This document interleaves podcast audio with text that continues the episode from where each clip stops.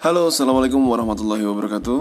Um, perkenalkan, Bapak Pak Arya yang akan mengajar mata pelajaran animasi programming di level 8. Karena hari ini adalah hari pertama pembelajaran dan arahannya adalah materi pengantar, maka Bapak lampirkan podcast ini untuk mendampingi kalian mengerjakan materi pengantar animasi programming.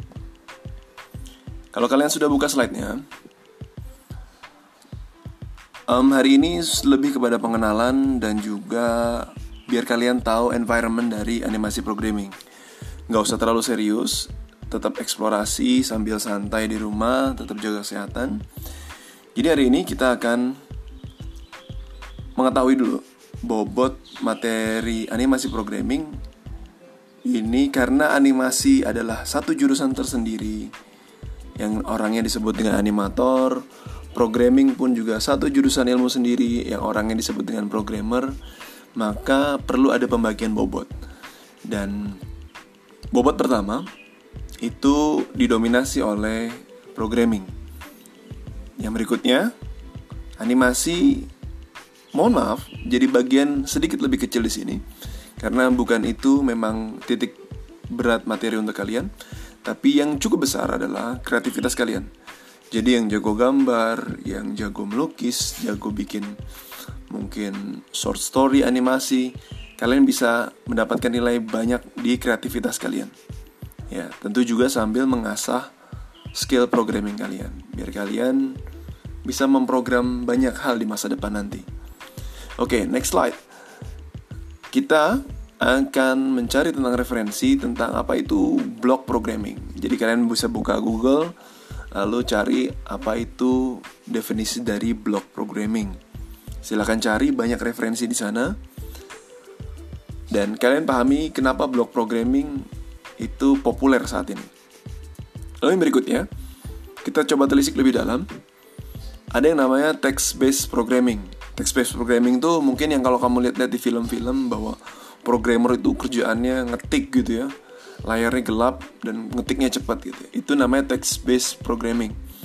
Dan yang kita akan pelajari di mata pelajaran ini adalah block based programming. Ya. Cari perbedaannya apa itu text based dan apa itu block based cari kelebihan dan kekurangan masing-masing. Karena punya kelebihan dan kekurangan masing-masing.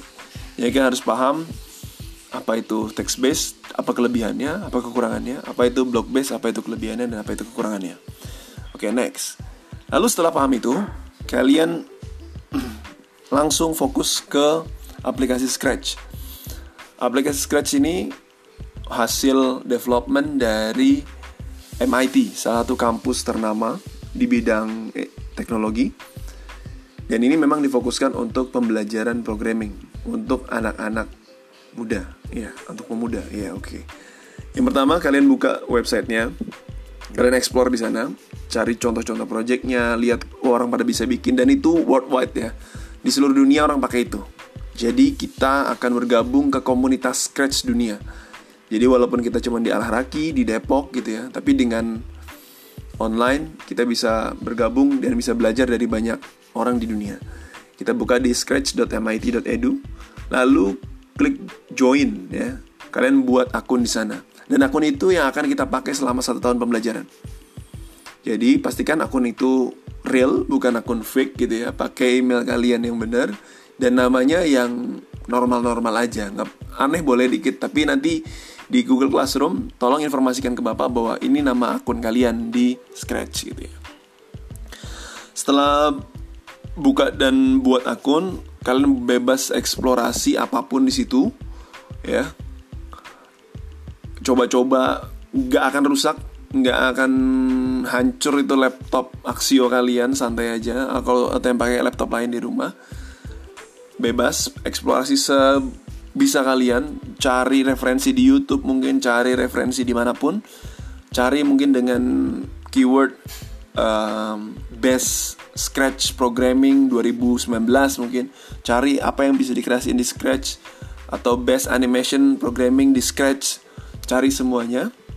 Lalu kalian coba buat satu kreasi apa pun bebas temanya. Yang simple aja yang satu kali sehari jadi gitu ya. Bukan jadi tugas PR tapi jadi tugas pada waktu jam pelajaran itu. Silakan cari apa pun bikin sesimpel mungkin dan sekreatif mungkin.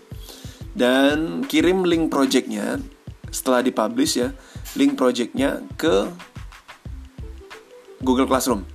Dan di description project silakan buat hashtag misalnya SMP ITL Haraki gitu atau misalnya level 8 Roftegio boleh.